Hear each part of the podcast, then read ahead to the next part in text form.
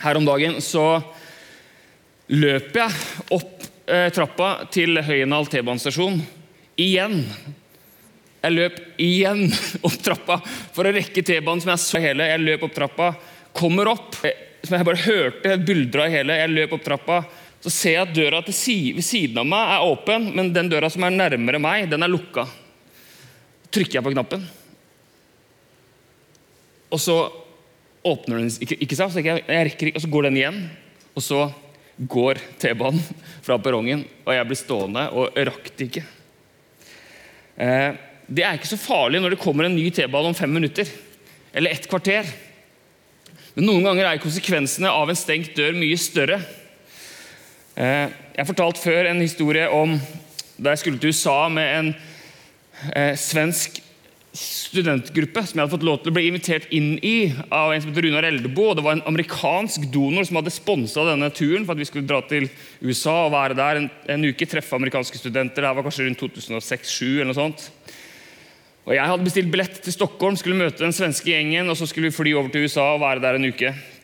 Så kommer jeg i, eh, over der, møter gruppa, alle er lykkelige, jeg syns det er kjempespennende. Så kommer jeg til passkontrollen, eller, liksom, eller til innsjekkinga av billetter, som man hadde den gangen. Og så liksom sa hun dama der at du kommer ikke til USA på det passet her. Og jeg liksom, Men det, har, det er jo gyldig, det passet her. Nei, men Da var det noe nytt som het biometriske pass. Og Det hadde ikke jeg fått med meg. at jeg måtte ha biometriske pass. Og Når du er i Stockholm, så går det ikke an å skaffe nødpass, norsk nødpass, for du er i feil land.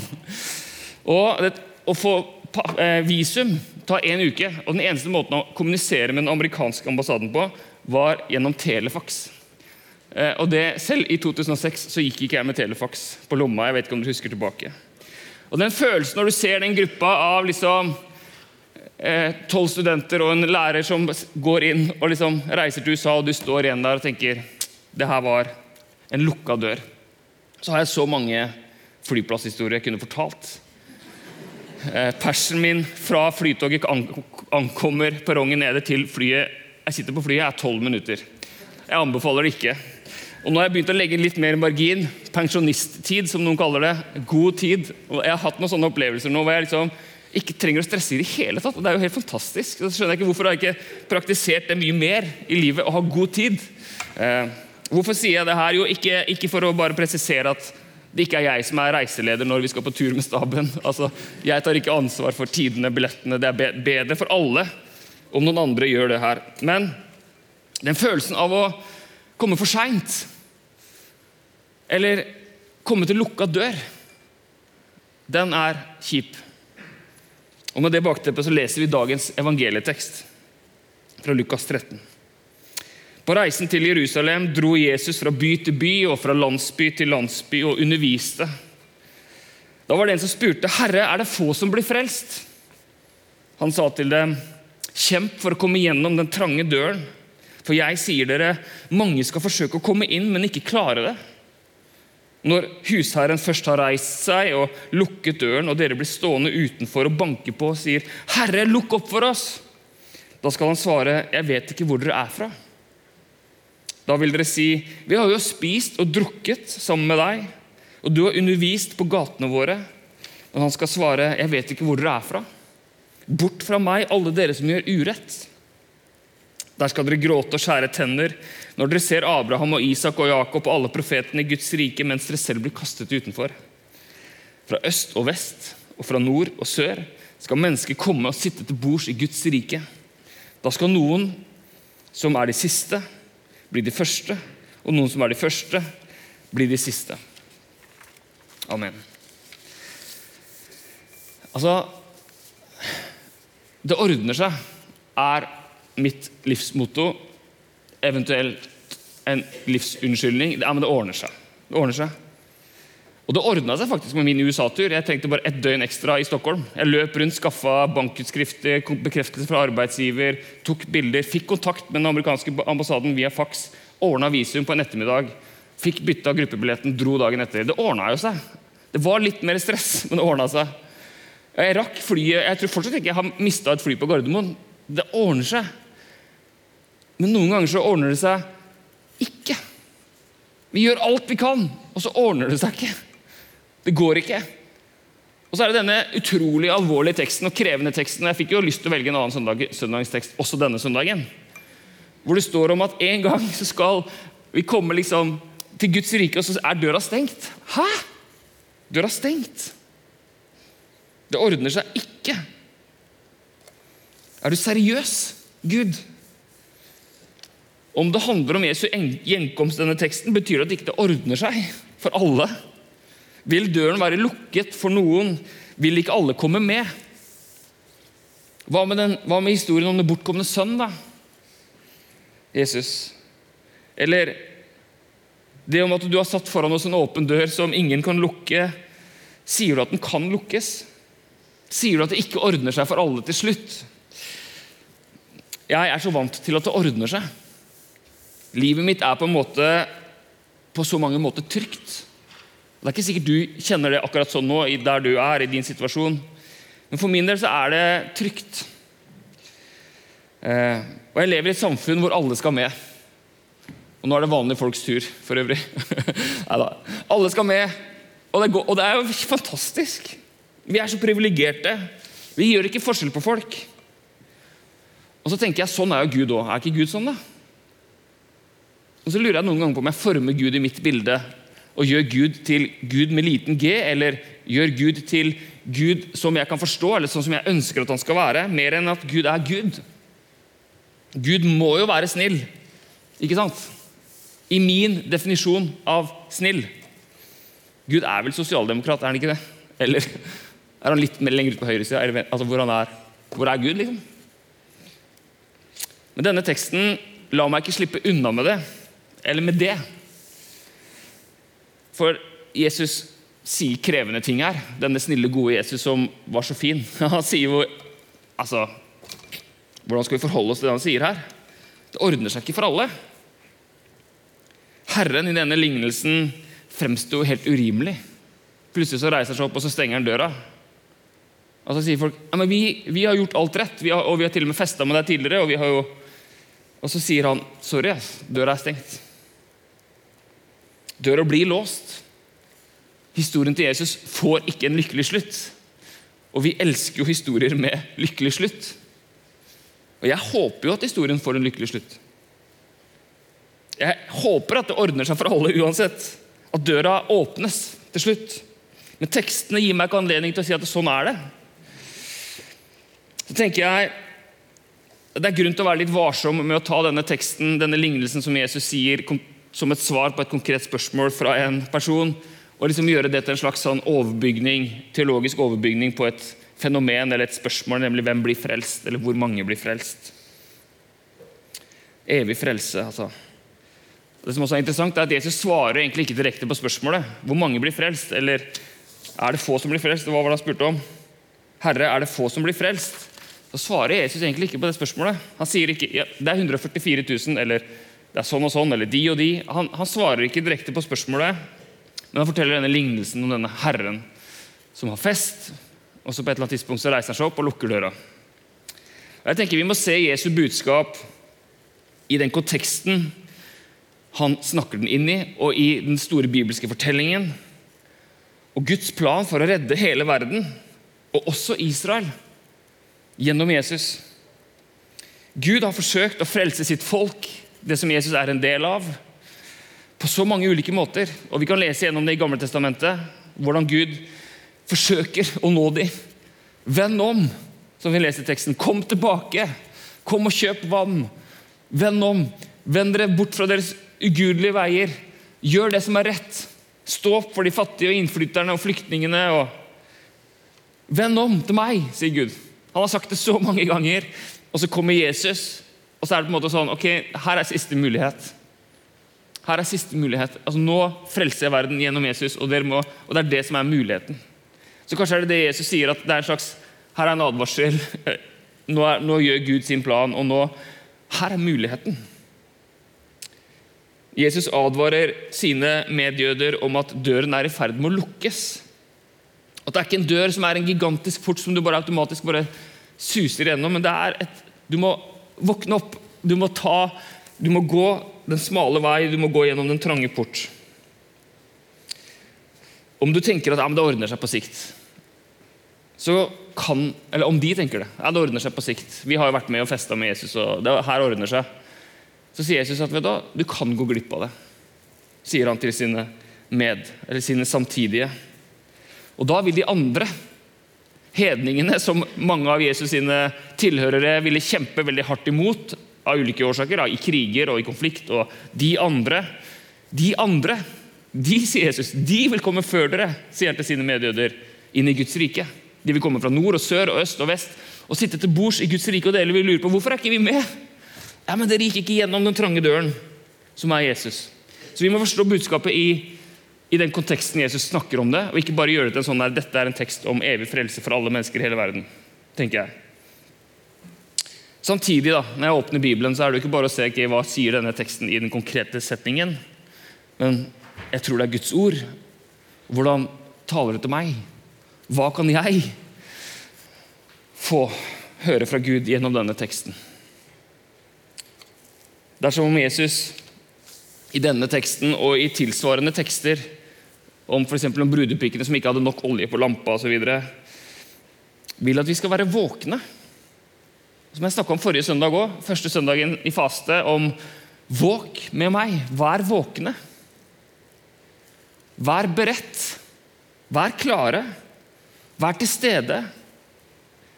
Trygge, ja, men allikevel ikke med en sånn der ignorant, tilbakelent holdning at ja, men det ordner seg. Det er ikke så viktig. Det er ikke så viktig hva jeg tror på, det er ikke så viktig hva jeg gjør, det er ikke så viktig hva jeg bruker tida på, det er ikke så viktig hva jeg lærer barna mine. Alt det ordner seg. vet du. Velferdsstaten eller kommersialiseringa eller Det ordner seg, vet du. Nei, det er ikke alltid det ordner seg. Og Jesus, i den teksten så, så kjenner han utfordrer meg. Erik, du må være våken. Du må være våken, sånn at du ikke går glipp av døra, som er meg. Du kan være på riktig sted til riktig tid med riktig utseende og kvalifikasjoner, med riktig utstyr, og du kan høre de ordene du trenger å gjøre, eller høre, men likevel møte en stengte dør. Det er alvoret i denne teksten. Men det vi kan vite helt sikkert, det er at døra er åpen. Nå. Nå er den åpen. Døra er åpen. Alle er velkommen. Kom og kjøp. Kom og drikk uten betaling som vi hørte fra Gamletestamentet-teksten Isaiah. Og faste, fastetiden som vi er nå inne i på vei til Jerusalem, på vei til påske, til død oppstandelse Fastetiden er en tid for å Ok, jeg skal gjennom den trange døra der. Og hva er det jeg, er det jeg har med meg av masse greier som ikke, som ikke det er plass til nå? Fastetid er kanskje å velge den døra nå. Døra er åpen og sette retning for livet. At jeg, vet du, jeg ønsker å gå i retning av den døra der. Fordi det vil prege livet mitt her og nå. Fordi det vil skape masse god frukt i møte med mine omgivelser. Masse kjærlighet, fred, glede, overbærenhet, frihet osv. Som åndens frukt er, og som Gud skaper i oss når vi går på veien med Jesus. Eh, men også fordi at en gang der framme skal jeg få lov til å være Guds rike sammen med Gud og alle kristne gjennom alle tider. Eh, derfor så er faste en tid for å kalibrere litt. Okay, hva er det som skjer i livet mitt om dagen? Hva er det som får masse plass, som egentlig ikke er viktig? Eh, hva er det som stjeler oppmerksomheten min fra at jeg skal kunne elske Gud og elske min nærmeste akkurat nå? Hva er det som gjør at jeg ikke gjør det som er godt for meg, og som Gud vil skape i meg, og som gjør at det blir liv for mine omgivelser, osv.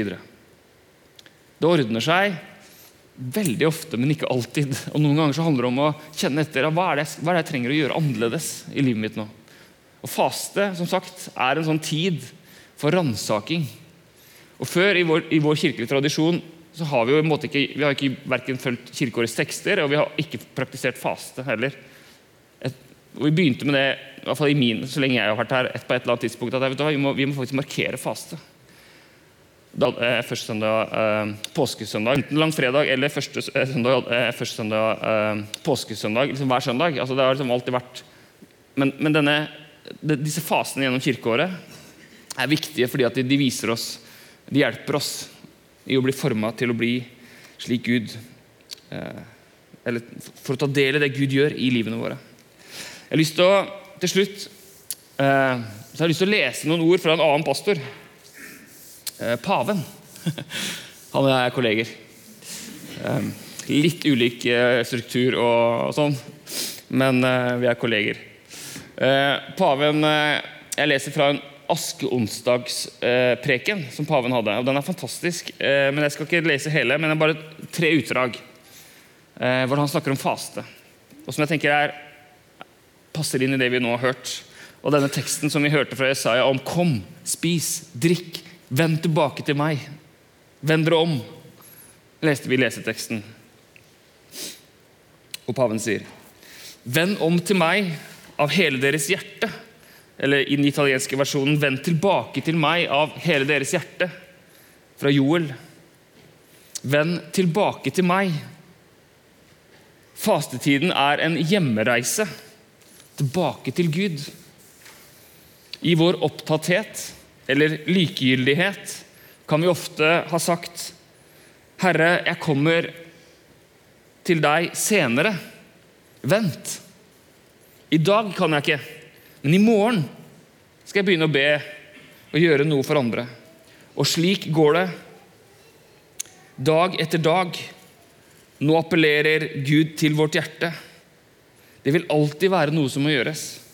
Vi vil alltid kunne finne unnskyldninger for å komme. Men brødre og søstre, i dag er tiden for å vende tilbake til Gud. Et annet utdrag Fastetiden er en reise som angår hele vårt liv. Hele oss selv. Det er en tid for å se nøyere på hvilke veier det er vi følger. For å finne tilbake til den som fører oss hjem. For å gjenoppdage vår grunnleggende tilknytning til Gud, som alt avhenger av. Fastetiden handler ikke om å samle poeng, men å skjelne om hvordan vårt hjerte er orientert. Så hvordan er vårt hjerte orientert om dagen?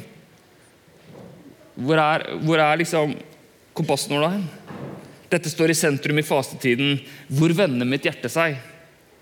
La oss prøve å spørre oss hvor bringer mitt livs navigasjonssystem meg? Mot Gud? Som om jeg skulle sagt det sjøl. Som om jeg skulle sagt det sjøl. Siste avsnitt fra pavens askeonsdagpreken. Vi kan se på den bortkomne sønnen og forstå at også for oss er tiden inne for å vende tilbake til Faderen. Liksom den sønnen har vi også glemt duften av vårt hjem. Vi har sløst bort dyrebare goder på skrot, eh, goder på skrot og står nå med tomme hender og et misfornøyd hjerte. Vi er falt. Vi er et barn som stadig vekk ja, Vi er barn som faller stadig vekk. Vi er småbarn som prøver å gå selv men som går i bakken, og som om og om igjen må løftes opp av pappaen. Og så sier han mer. Kom, kom til Faderen. Kom tilbake. Vend tilbake. Vi er som den bortkomne sønnen som har glemt duften, og som står med tomme hender og bruker, bort, bruker alt det vi har, på, på ting som ikke gir oss den dypeste form for glede. Så nå, i dag, så er Gud her igjen. Alltid. Og så sier han, 'Kom tilbake til meg'. Vend om. Vend tilbake. Kom tilbake. Så faste er en tid for rekalibrering. En tid for å finne ut hvor er det hjertet mitt vender seg om dagen. Er det mot mitt eget jeg og ego og meg og mitt, eller vender det seg utover? Og Jeg vet ikke hvordan det ser ut i ditt liv. Det kan jo se helt forskjellig ut, avhengig av, de, av vår livssituasjon og helse og økonomi og jobbsituasjon og relasjoner. altså Hvordan det ser ut å vende tilbake, og hva du trenger å vende deg bort fra eller mot, kan jo være veldig ulikt. Jeg ser for meg også som menighet til slutt her nå, jeg ser for meg Jesus, Jesus står der. Jeg hadde stått midtgangen her sånn fysisk, og så hadde vi kommet til han og liksom fått høre hva vi trengte av han så ville vi kanskje, og Hvis vi hadde hørt på, hvis alle hadde fått høre på det Jesus hadde sagt til hver enkelt, så tror jeg kanskje vi hadde blitt litt overraska over hva han, hva han, ser at vi trenger. Og så tror jeg vi ville sagt Hæ? Nevnte du ikke disse tingene som jeg vet om? Nevnte du noe som ikke vi visste om? eller Han hadde tatt tak i helt ulike ting hos oss. Og noen ganger helt andre ting enn det vi trodde han ville ta tak i. Eller. Så la oss vende oss om til Gud. La han ta oss imot, og la han frelse oss. Og la oss gå mot Jerusalem, påske, mot død, hvor Jesus tar på seg all vår synd og tilkortkommenhet og all vår vrangvilje og alt uvilje og verdens ondskap. Men hvor Jesus også står opp igjen til håp og liv.